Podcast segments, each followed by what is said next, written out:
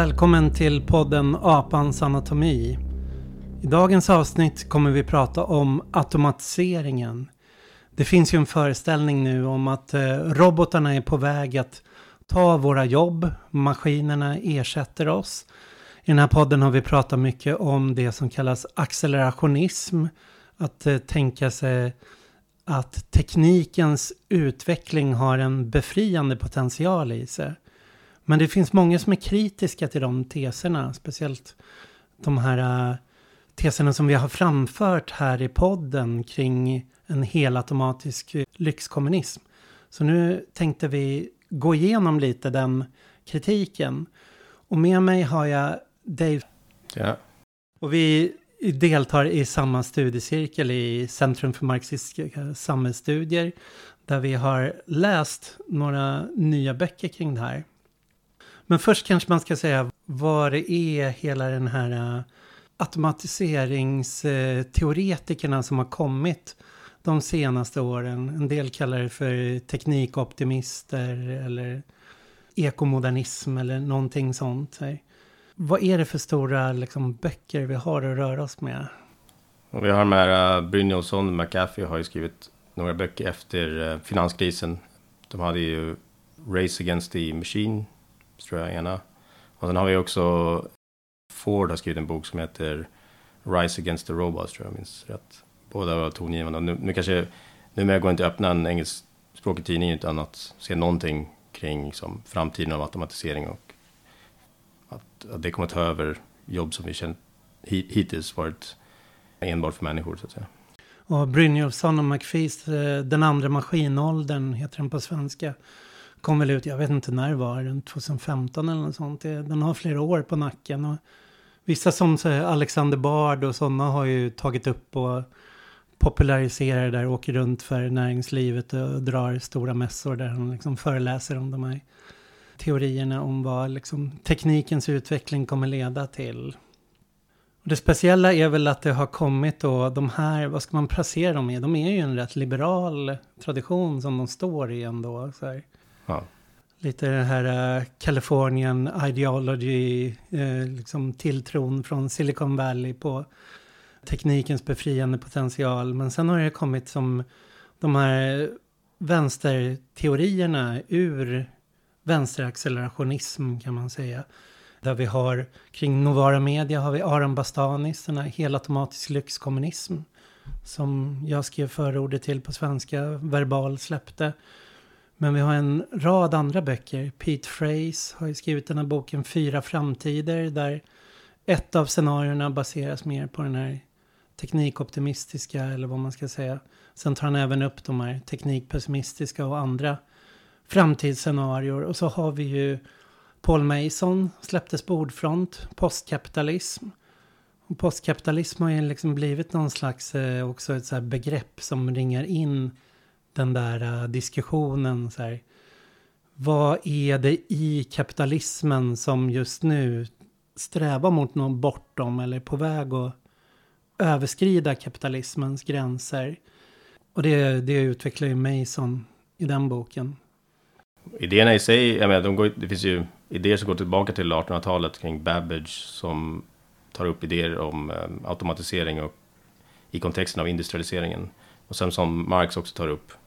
Och sen fortsätter det in med till exempel då Keynes som föreställer sin framtid där bara ett par timmar per vecka man behöver arbeta totalt. Ja, 15 timmar per vecka, 15 timmars arbetsvecka. Och sen André Gortz och så vidare, det är inte den nya vänstern. Så det, det är inte så att det är en ny idé.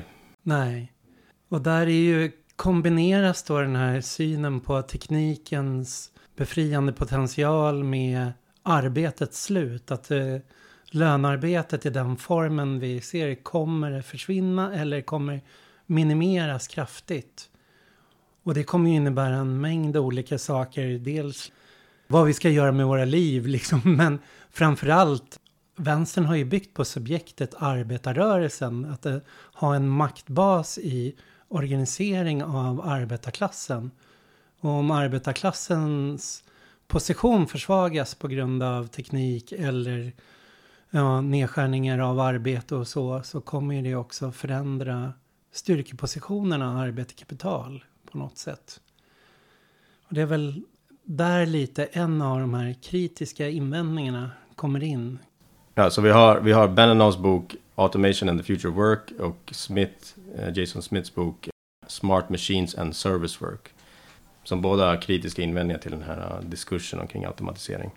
Och det spännande med dem är ju också att de kommer ju någonstans kopplade till en radikal vänster. Att Jason E. Smith, han har ju skrivit texter som har legat nära, man kan säga den eh, operaistiska autonoma traditionen. Och Beninov, han är, är, ingår i redaktörskollektivet för den här tidningen N-Notes. Vi gjorde ett poddavsnitt om deras Onwards Barbarians och vi har även pratat om Joshua Clowers bok om Riot Strike Riot. Och Benenas bok hänger väldigt tydligt ihop i samma tradition som de. Både Benena och Smith tar ju upp att det finns någon slags... Um, alltså det finns ju trender i dagens utveckling som de bekräftar automatiseringens, automatiseringsdiskursen. Det är en kontext av liksom, djupgående brist på arbetskraft som gör att det blir en alltså för få jobb i förhållande till antal människor på arbetsmarknaden. Så det blir en bestående arbetslöshet, därmed en svag löneutveckling och sen intensifierad otrygghet. Så det verkar ju bekräfta den här äh, negativa potentialen i tekniska utvecklingen. Och samtidigt tar Smith upp till exempel att äh, i liksom populärkulturen och så vidare så, ser vi, eller liksom e-, erfarenheter av teknologiskt skifte inom handel och konsumtion och finans och så vidare. Så det i någon mening verkar ju bekräfta den här omstruktureringen av ekonomin. Mm. Men de kommer snart peka ut att det, den är skenbar. Då. Eller inte på det sättet i alla fall. Mm. Så om eh, Bastani och de, Mason och de ser en positiv potential, eller i alla fall, även om det kanske inte behöver betyda att det automatiseringen automatiskt leder till kommunism så ser de ändå det finns någonting för en radikal vänster där att kämpa, att vi måste vara medveten om var den här utvecklingen är på väg. Medan de eh, klumpar egentligen ihop eh, Bastani och mig som är Brynjolfsson och McPhee och säger att ja, men det här är, det är bara olika varianter. Det är liksom en vänstervariant och en liberal variant på samma teoretiska komplex som bara väldigt enkelt i grunden går ut på att eh, automatisering skulle leda till frihet, att det skulle leda till att vi kan eh, lösa ekologiska problem.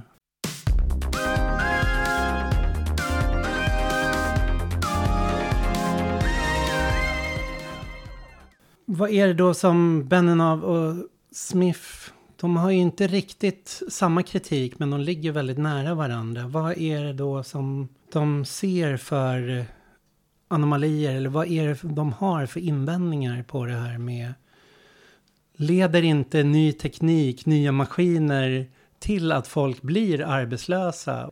Ja, stämmer inte den här teorin då att maskinerna ersätter människor? Yeah. well, så eh, båda eh, Bannon och Smith ser den liksom underliggande mekanismen för det här, hur det här skulle ske då är att om effektiviseringen sker i en enorm takt så krävs det då mindre och mindre arbete för producera vad det kan vara, bilar eller hårklippningar, vad det nu är. Och om den här takten är så hög att, den, att efterfrågan inte överstiger den, då kommer mängden arbetet krympa i, i de här sektorerna. Och någonstans premissen i automatiseringsdiskursen långsiktigt är ju att den här takten kommer att fortsätta vara så hög.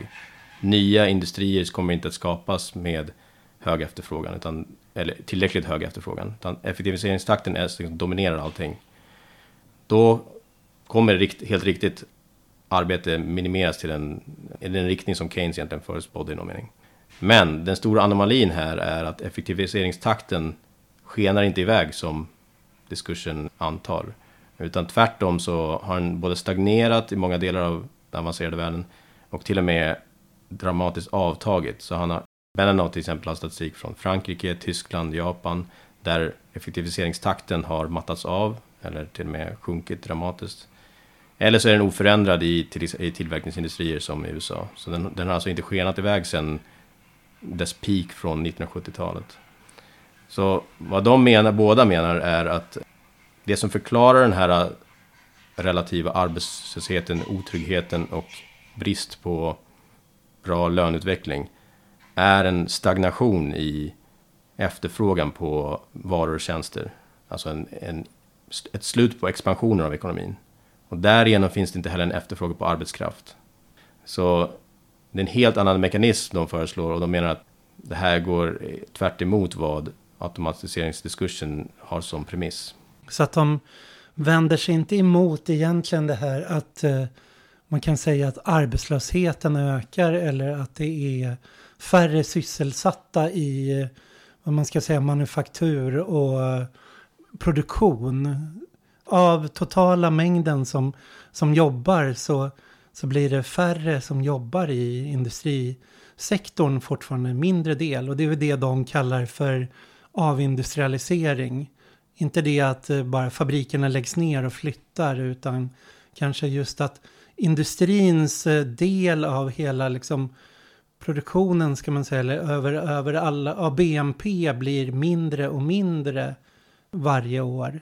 Så den biten ser de, men där McPhee och Brynolfsson och de andra skulle förklara då det här med automatisering så, så bygger deras förklaring inte på automatiseringen utan snarare att... Um, Stagnation då? Ja. Att det, det är en brist på expansiva drivkrafter i ekonomin. Det finns ingen drivkraft att expandera produktion, fabriker, eh, byggnader i den takt som man gjorde en gång i tiden. Och det leder till att ekonomin helt enkelt avtar i sin expansionstakt. Eh, Med som konsekvens då en avmattning av eh, sysselsättning i industrin och i ekonomin i, i stort.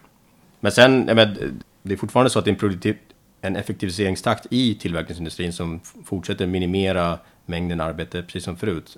Det är bara att nu drivs inte, nu finns ingen kompenserande effekt från expansionen. Det är å ena sidan. Å andra sidan har vi en paradox i att informationsteknologi och beräkningskapacitet verkar inte generera en expansiv effektivisering någon annanstans i ekonomin. Så de har den här produktivitetsparadoxen som de mm. citerar. Att datoråldern syns överallt utom i produktivitetsstatistiken så att, så att man ser den, dess, kanske dess effekter i daglig, eh, dagliga livet men den ger inte utfall i termer av mer producerat per timme. I själva verket visar de att eh, effektiviseringstakten i många delar av ekonomin är förmodligen eh, minst lika låg som den var för 100 år sedan. Den har inte accelererat på något sätt utan snarare återgått till låga nivåer kring en tidigare punkt i kapitalismens historia typ slutet av 1800-talet. Så trots ny teknik så ökar inte produktiviteten? Att det är det, det som är den här produktivitetsparadoxen som de... Och det är den som inte finns i de här eh, oss automatiseringsteoretikerna så att säga. De missar den biten.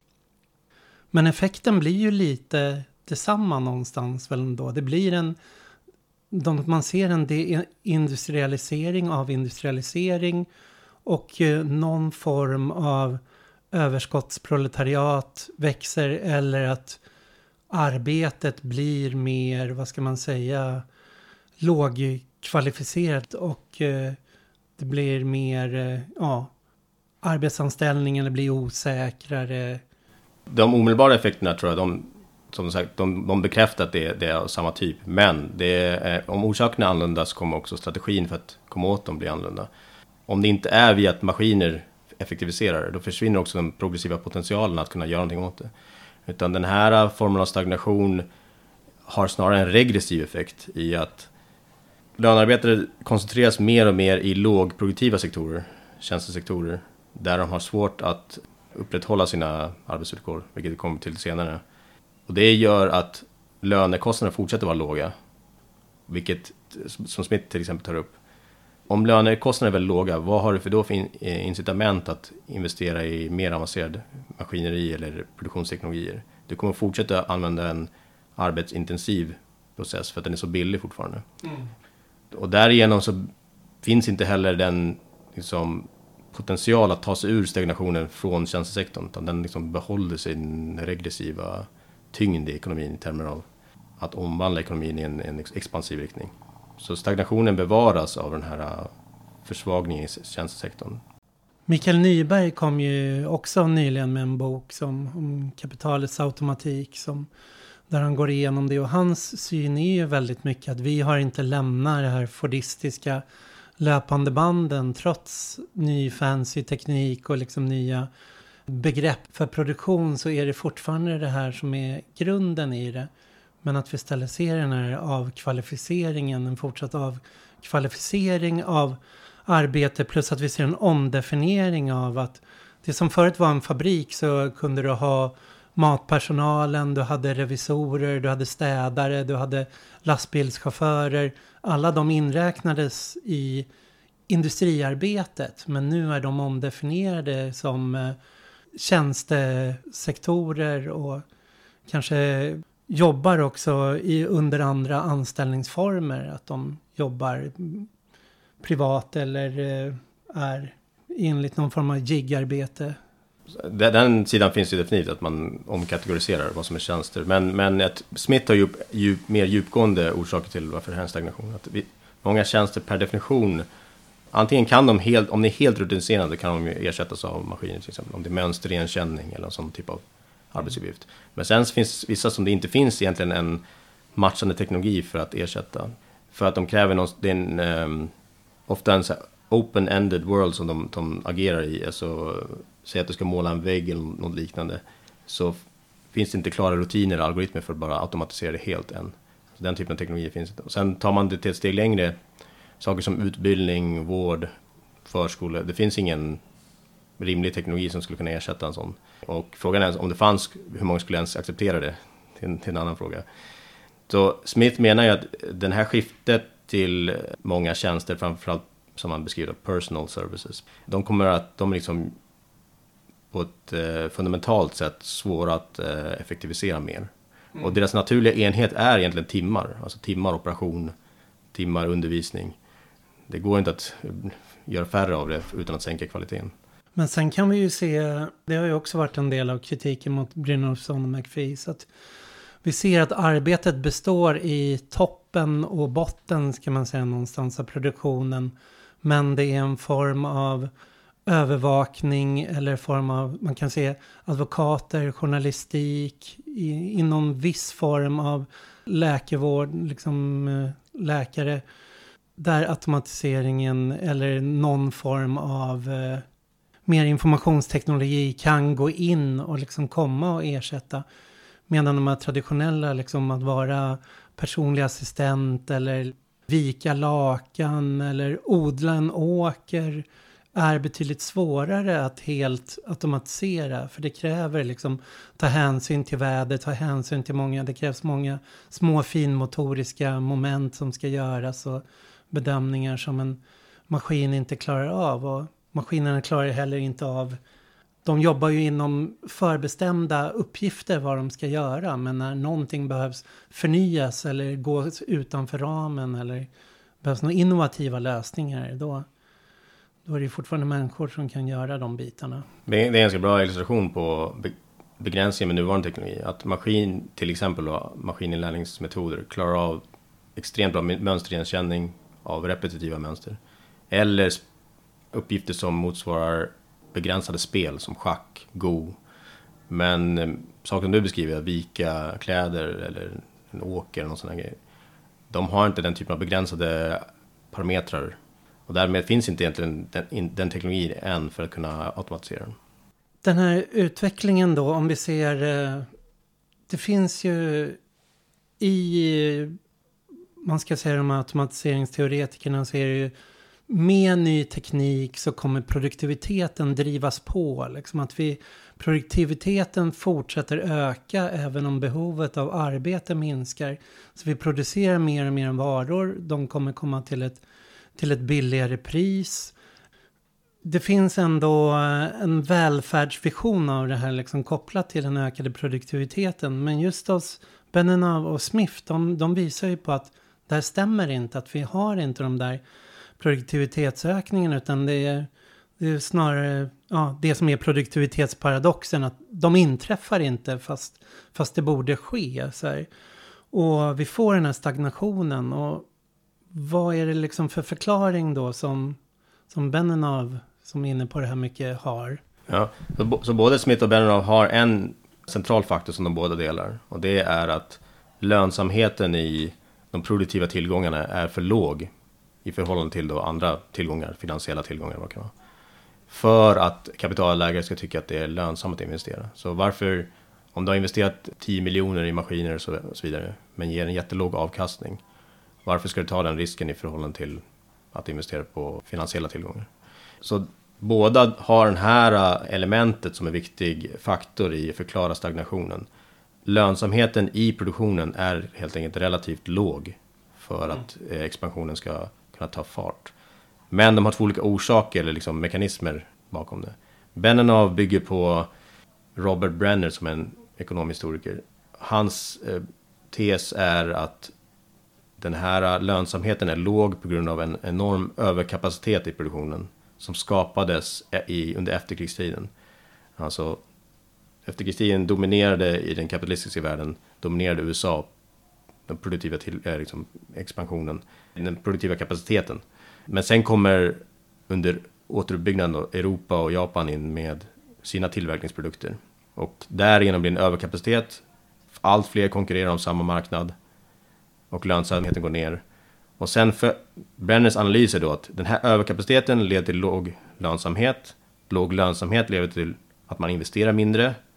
Och investerar man mindre så finns det en lägre efterfrågan på varor och därigenom lägre efterfrågan på arbetskraft. Så det är en kedja från överkapacitet via lönsamhet till att lönarbetare är i låg efterfrågan.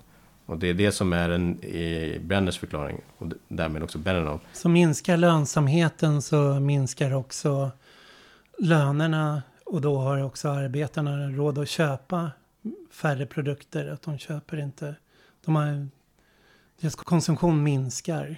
Som andel ja, precis. Det blir andraordningseffekt. Eh, men lönsamheten är helt enkelt att eh, avkastning per, per krona investerat kapital är för låg. Och konsekvensen är att den omedelbara konsekvensen är att folk inte, det finns ingen efterfrågan på arbetskraft i samma utsträckning. Men den långsiktiga utvecklingen av konsekvensen av det här, det är att man inte investerar i produktiv kapacitet som skulle kunna förnya maskiner som gör dem effektivare. Så det här ger både en förklaring till varför arbetskraftens efterfrågan är låg, men också varför produktiviteten inte skenar iväg, utan det snarare är dämpad och till och med ner, på nedgång. Enligt Brandon då. Så vad gäller liksom me mekanismen här så stagnationen har en orsak i att det, in, det inte är lönsamt att investera och det delar de med Smith. Min kanske möjliga invändning här, eller det som man skulle kunna ifrågasätta är varför överkapaciteten från 60-talet skulle ha sån långtgående bestående effekt än idag. Så den, det har ändå skett ganska mycket omvälvningar i bilindustrin och så vidare.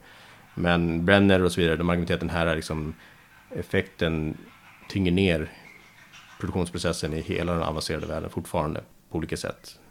Men en, en sak man skulle kunna säga till det här, alltså eh, saker som hög och låg nivå är i förhållande till någon referens som vi har. Alltså är arbetslösheten hög eller låg? Är produktiviteten hög eller låg? Ett problem är att vi har som referens efterkrigstidens guldålder mm. som är exceptionellt hög i hela kapitalismens historia.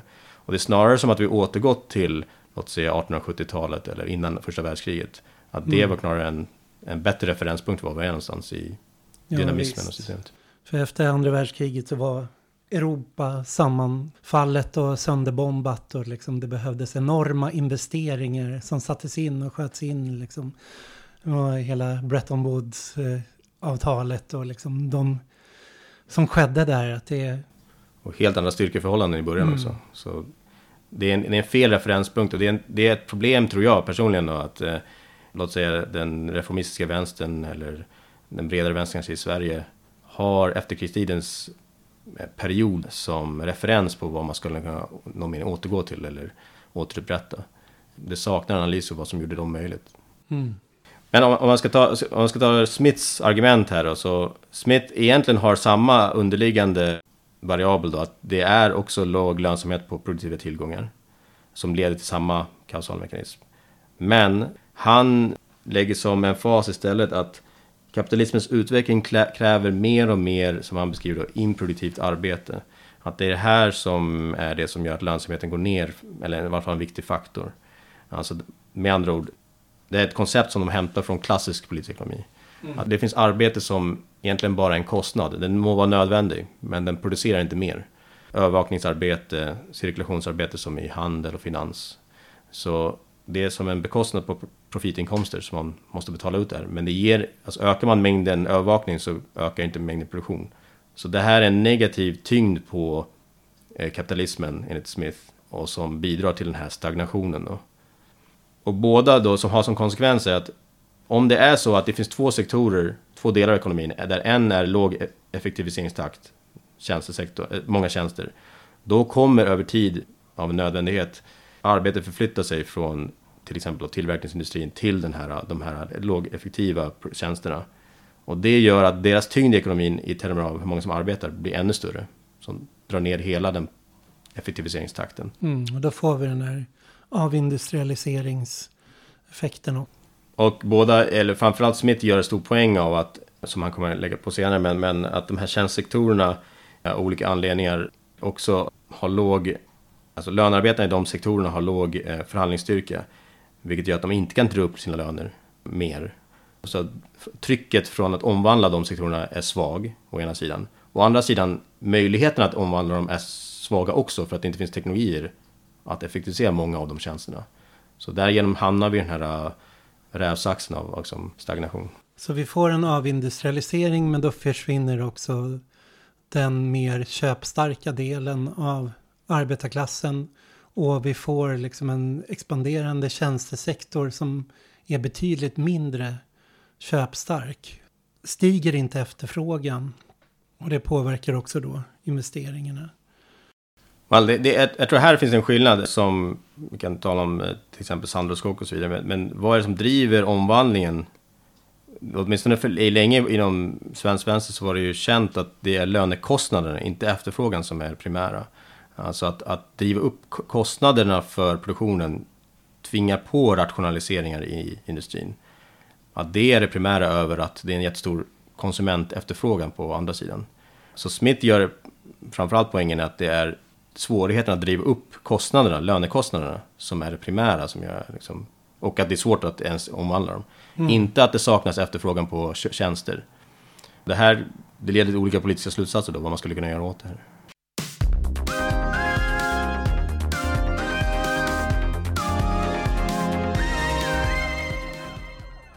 Det har ju kommit många olika förslag ändå som knyter an lite till antingen automatiseringsteoretikerna då. Att man kan ju säga faktiskt att det här med vänsteraccelerationism och mig som Bastani att det kan framstå som ett så marginellt fenomen. Men de har ju ändå haft inflytande på Corbyn och vänsterpopulismen. Att det finns föreställningen om en New Green Deal är ju någonstans kopplade till det här. Äh, gå in med satsningar i vissa former av industri.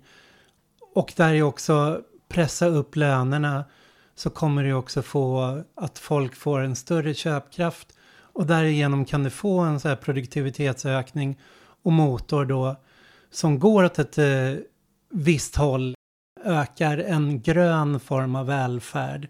Så där ser man ju en viss möjlighet att ja, men tekniken ger vissa möjligheter här som kapitalet själv inte kan införliva utan det behövs någon form av nykeynesianska metoder eller någonting som stimulerar investeringarna. Mig som föreslår massor med små investeringsbanker som ska sättas in liksom för att få igång den här New Green Deal och liksom de här ekologiska satsningarna. Och här i Vänsterpartiet har vi ju sett en liten sån svängning nu och de har ju också tagit över ekonomen eh, Sandro Scocco då till partiet att liksom någonstans utforma partiets ekonomiska politik och förslag. Så här. Vad, vad är det Sandro Scocco står för, för linje i det här? Sandro Scocco verkar vara influerad av post eh, tänkare, ganska tidigt. Och hans, vad han lägger ut i alla fall i en podd, så är argumentet att eh, ja, det är en form av relativ stagnation i, i ekonomier eh, som, som Sverige. Och det som skulle kunna dra ekonomin ur den här relativa stagnationen är en expansion av efterfrågan på slut. Att det är det som är nyckeln till att kicka igång moderniseringen av industrin i Sverige till exempel. Det är inte att kärnkraften i sig är låg, men, men att driva upp mängden efterfrågan på, vad kan det vara, bröd, bilar, alla möjliga tjänster. Gör det mer, eh, mer rationellt för företag att investera i mer produktiv kapacitet. Och därigenom förnya produktionen. Och genom att förnya produktionen så ökar den här effektiviseringstakten igen. Så att vi kan dra oss ur stagnationen genom att stimulera efterfrågan. Framförallt genom en, eller en av mekanismerna, en omfördelning mot lönarbetare på, genom olika former av politik. Eftersom lönarbetare tenderar att konsumera mer, en större del av sin inkomst än de rikaste procenten i ekonomin. Så politiken mot stagnationen är en stimulerad efterfrågan som kommer att driva på moderniseringen. Det finns ju ganska många frågetecken kring det här. För det första förklarar inte riktigt varför vi hamnar i stagnation till att börja med. Stagnationens uppenbara period är ju kring åtminstone 1970-talet. Där löneandelen var som högst. Där konsumtionens andel var förmodligen som högst bland, bland de som arbetar i alla fall. Ja, arbetarklassen som stridbarast också. Det var ju pikade med vilda strejker och liksom. Min spontana känsla av när jag lyssnar på Sanders Kock är att han och postkeynesianer in, generellt inte verkar vara så intresserade av vad är lönsamheten i produktiva tillgångar? Alltså vad är avkastningen vi får dem relativt alla andra tillgångar vi skulle kunna få, få avkastning på? För det kommer vi nog mer bestämma i vilken utsträckning vi kommer att vilja investera i de här äh, sektorerna. Och sen vill man ju veta egentligen hur, hur mycket det här kan påverka egentligen att ändra lönadelen. För att en omfördelning kan, kan bara ske till en viss grad. För att sen börjar man, om man omfördelar för mycket, kommer man att sänka lönsamheten i de här sektorerna. Och därigenom underbygga egentligen den, eller underminera den källan till privata investeringar som han ändå är ute efter. Varför skulle jag vilja återinvestera i ny Electrolux-fabrik när lönearbeten tar allt för mycket av mina, mina profiter? Det är två avsnitt av eh, Skockos podd då, som Jenny Lindahl och Sandro Skocko gör som heter Skockonomics som är intressant att lyssna på. Den, den ena heter Trickle Down och går igenom de här Trickle Down-teorierna om att eh, satsa på de rika kommer gynna arbetarklassen i stort. Det kommer liksom sippra ner. Och sen då den andra som är mer Skockos vision som är då Trickle Up. Hur om man satsar på investeringar och satsar på att öka konsumtionen, antingen genom att få upp löner eller andra former, så kommer det här liksom få fart på marknaden och liksom få fart på, på industrin. Det är väl de två.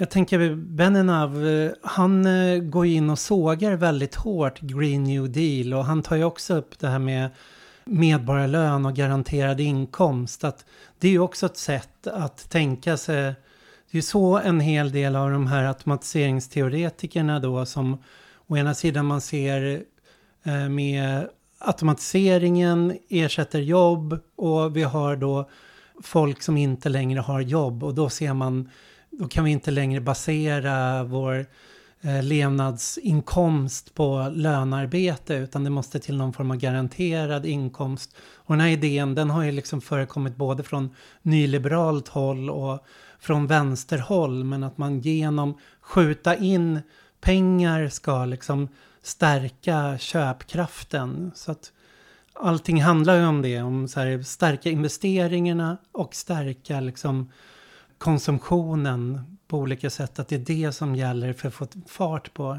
ekonomin igen. Och Skocko är ju inne så mycket, han säger också att det, det är ju inte så att eh, välfärdsstaten var ett projekt som, som skapade sina egna ekonomiska förutsättningar för välfärd, utan det var produktivitetsökningen i efterkrigstiden, oavsett om det var i Europa eller USA, oavsett om det var konservativa krafter eller socialdemokratiska krafter vid makten, blev välfärdsstater med den produktivitetsökningen så innebar det en sån hög tillväxt att det innebar att man behövde göra investeringar i, det var lönsamt att investera i produktionen.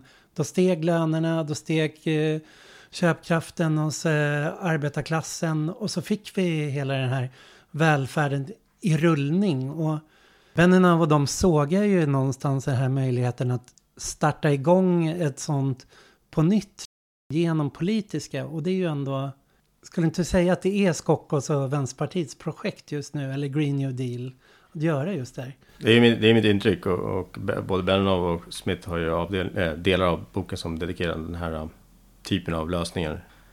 Som sagt, den typen av lösning som, som kanske Skocko förutsätter är ju en, en positiv spiral av produktivitet, mm. konsumtion, investeringar, produktivitet och så vidare i en cirkel.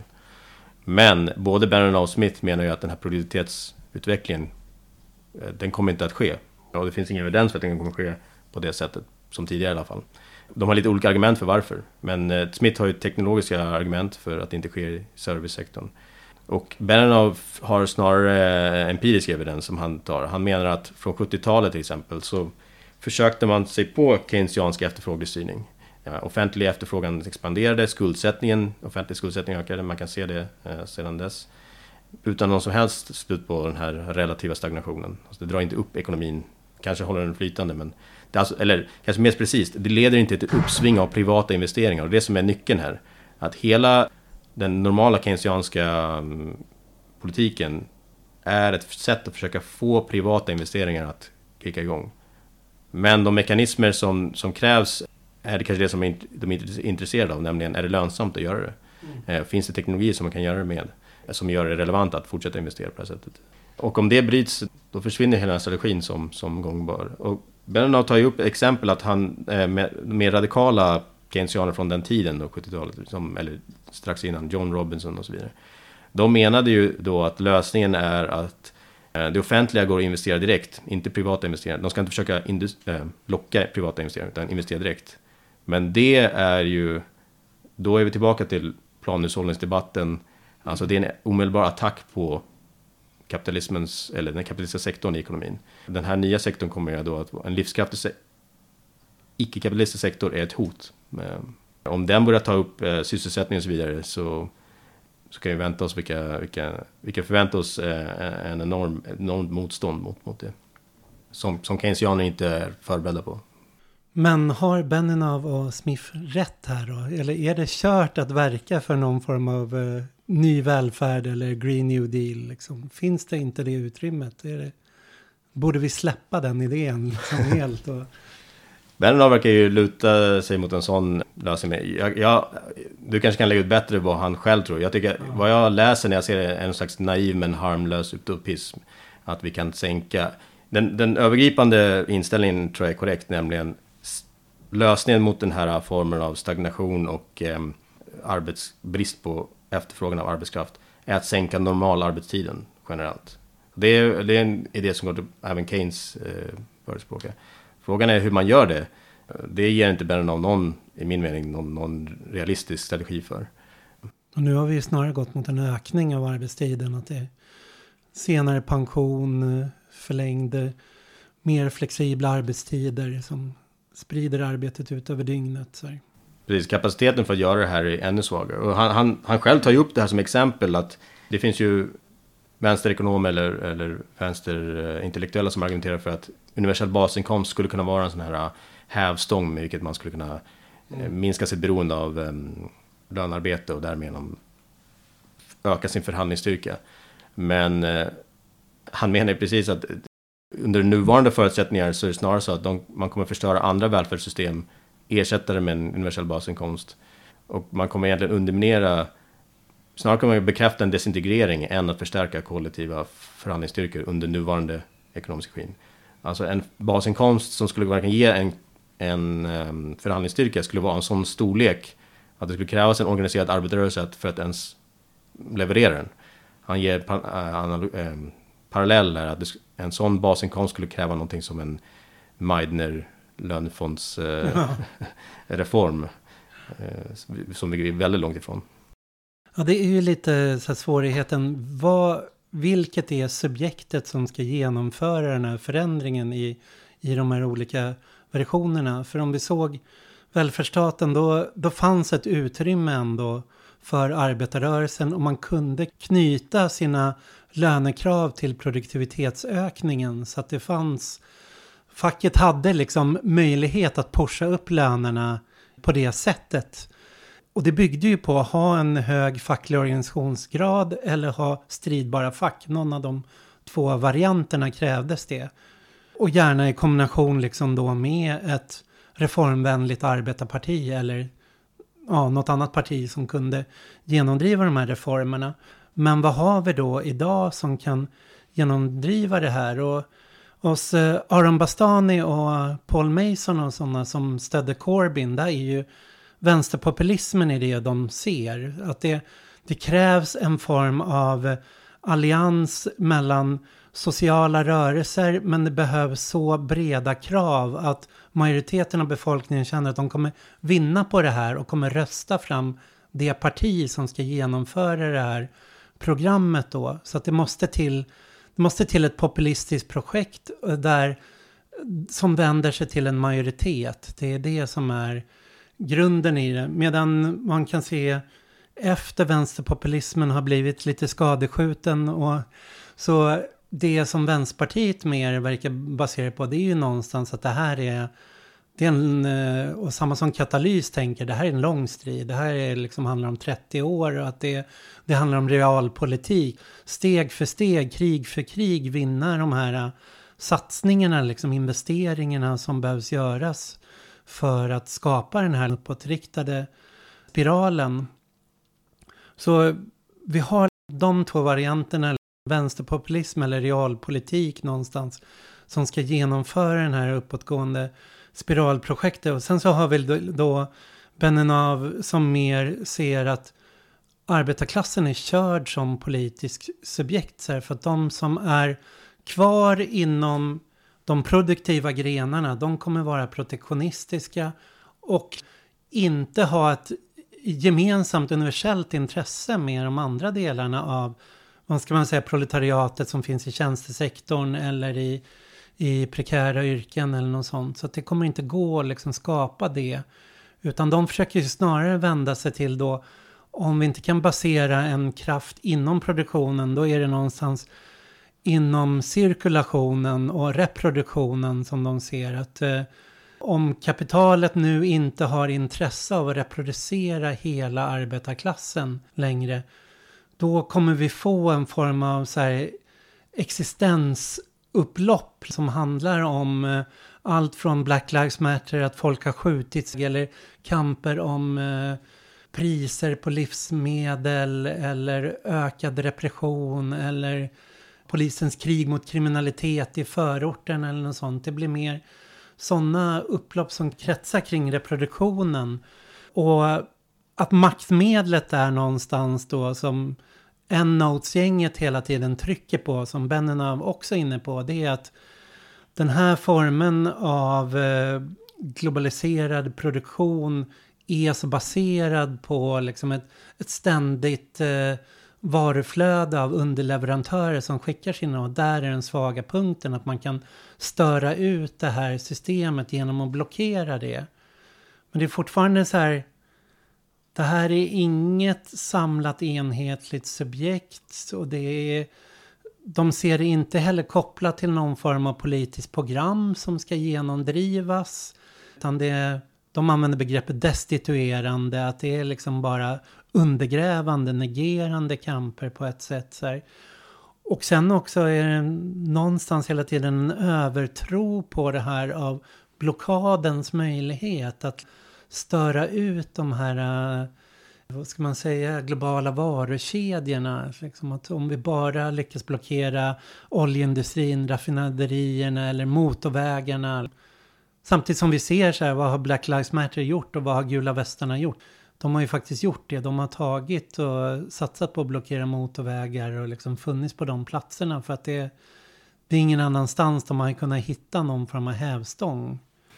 Smith har ju Gula Västarna som möjligt eh, framtida exempel. Han tar ju upp att det, det är, på grund av ekonomins struktur så är det av det är kortsiktigt i alla fall det som är eh, det vi kommer se.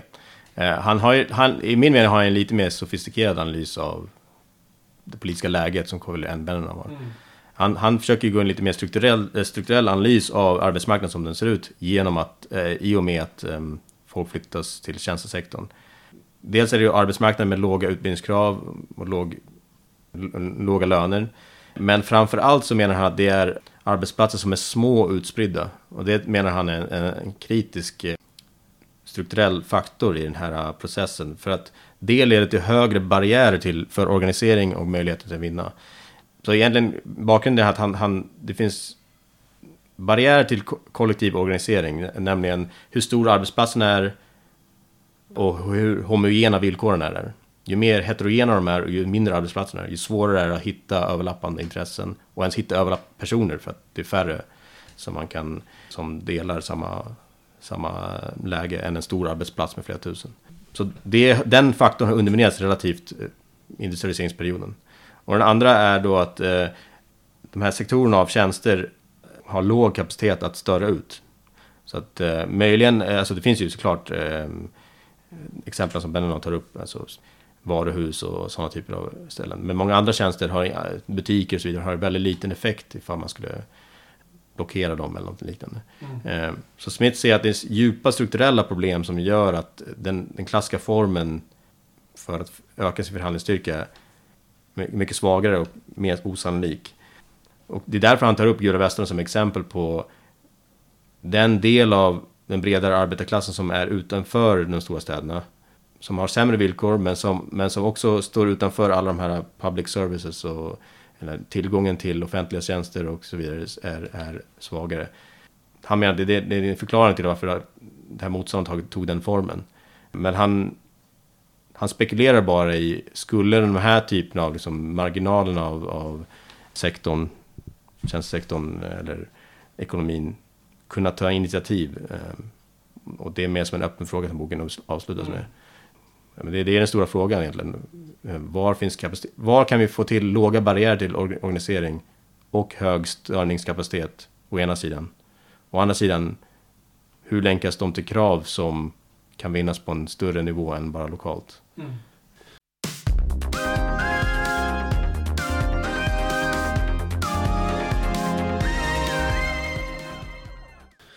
Jag tycker också lite, jag måste försvara lite Aron Bassani och Paul Mason också för att jag tycker det som görs i de här böckerna är att de klumpas ihop med Brynjolfsson och McFees och ses att det bara handlar om att automatisering skulle leda till frihet. Att eh, blir vi av med lönearbetet så kommer det leda till någon form av fritt samhälle där vi är fria och foga över vår tid. Och det, det är inte det de gör i sina böcker. Och det sämsta med Aram Bastanis bok är egentligen titeln, liksom helautomats lyxkommunism. Så här, inte lyxkommunism-biten utan just det helautomatiska, att det är titeln lurar en att tro att det är en bok som handlar om att om en maskiner och robotar ska ersätta allt så att vi kan få gå fria och ha kommunism. Så här.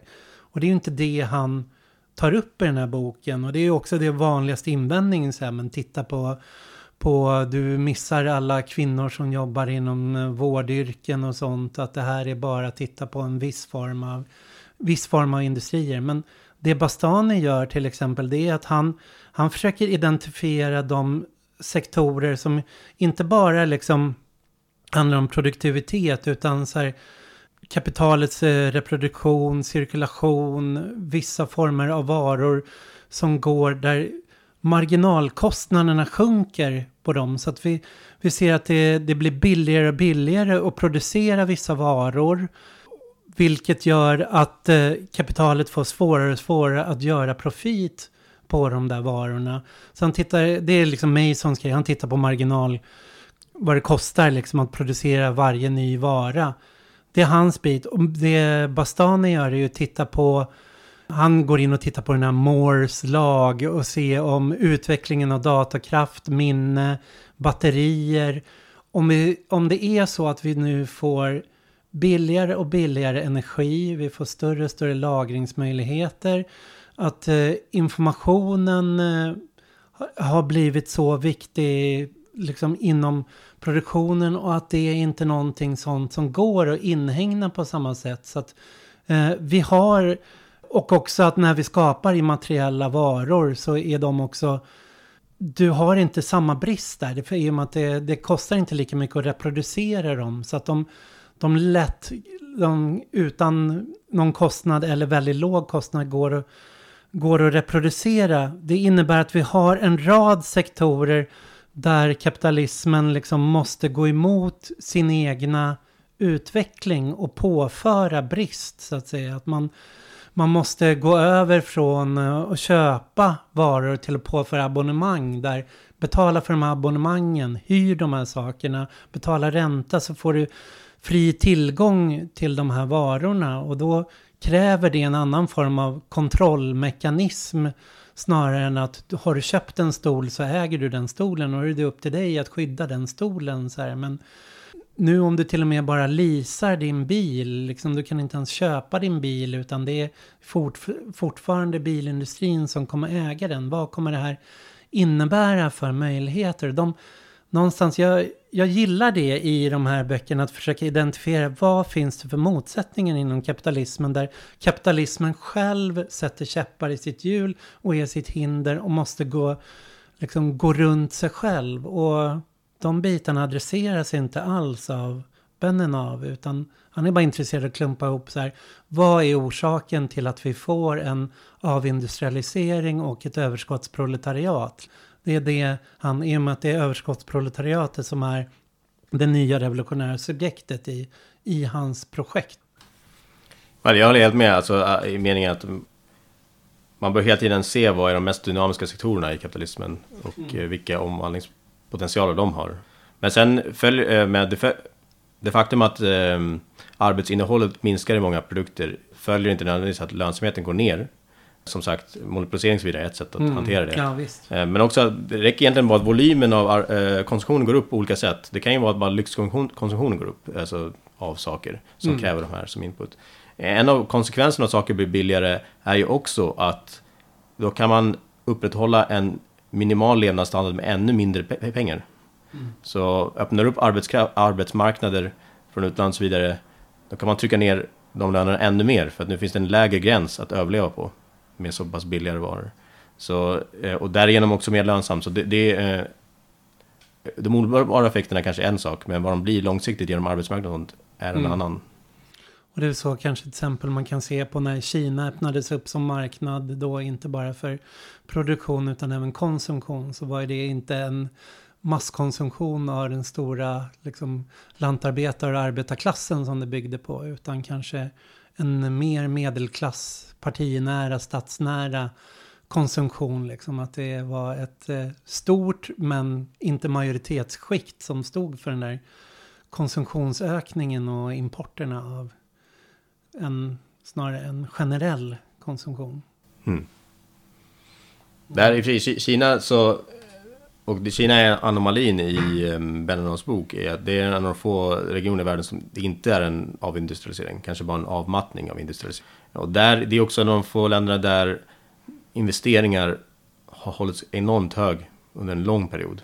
Exakt den typ av modernisering som kanske många i västvärlden skulle drömt om. Och att som återuppställa investeringar. Och där har det varit en politiskt beslutad Exakt. investering. Liksom, Exakt. Och det, jag menar, i, om man ska få ihop de här kraven på av olika sätt. Men, å ena sidan, modernisering av produktionen kräver förmodligen då att det räcker inte att driva på privata investeringar. Att förmodligen måste offentliga fonder och så vidare vara direkta investeringar i uppbyggnad av kapacitet. Å ena sidan. Å andra sidan så, så förmodligen kraven underifrån måste leda till någon bredare mening än generell sänkning av arbetstiden. För att, eller det är det sättet som den nya effektiviseringen bör förmodligen delas ut då. Att mm. det är en eh, omfördelning av mängden, totala mängden arbetstid. Men det kräver en helt annan form av koordinering av arbetsmarknaden förmodligen än tidigare. Att det inte funkar på sektornivå längre. Och om man eh, som sista bara slänger in klimatfrågan då, liksom i och med att det är där som någonstans vänstern försöker hitta en lösning mellan å ena sidan få igång investeringarna och å andra sidan få en viss form av produktion som det investeras i. Som Den är knep, knepig. Det är klart, eh, kortsiktigt kommer investeringar leda till förmodligen eh, högre utsläpp eller vad det kan vara. Men om det kombineras med minskad privat konsumtion och mer fritid och högre offentlig konsumtion, alltså kollektiv konsumtion, då kan effekten bli att den totala åtgången minskar, eller åtminstone utsläppen minskar. Det, det, det finns åtminstone potential att kombinera effektivisering, minskad arbetstid med klimatrelaterade mål. Men det kräver en ganska en mycket mer djup analys än att bara mm. skriva ett tiopunktsprogram tror jag. det är något vi får återkomma till. Ja. Tack Dave för att du tog dig tid att bena ut de här böckerna. Vi har läst dem ihop men jag känner själv att de har varit ett litet berg att ta sig igenom. men du har varit stor hjälp i det här. Ja, tack, tack. själv. Mm.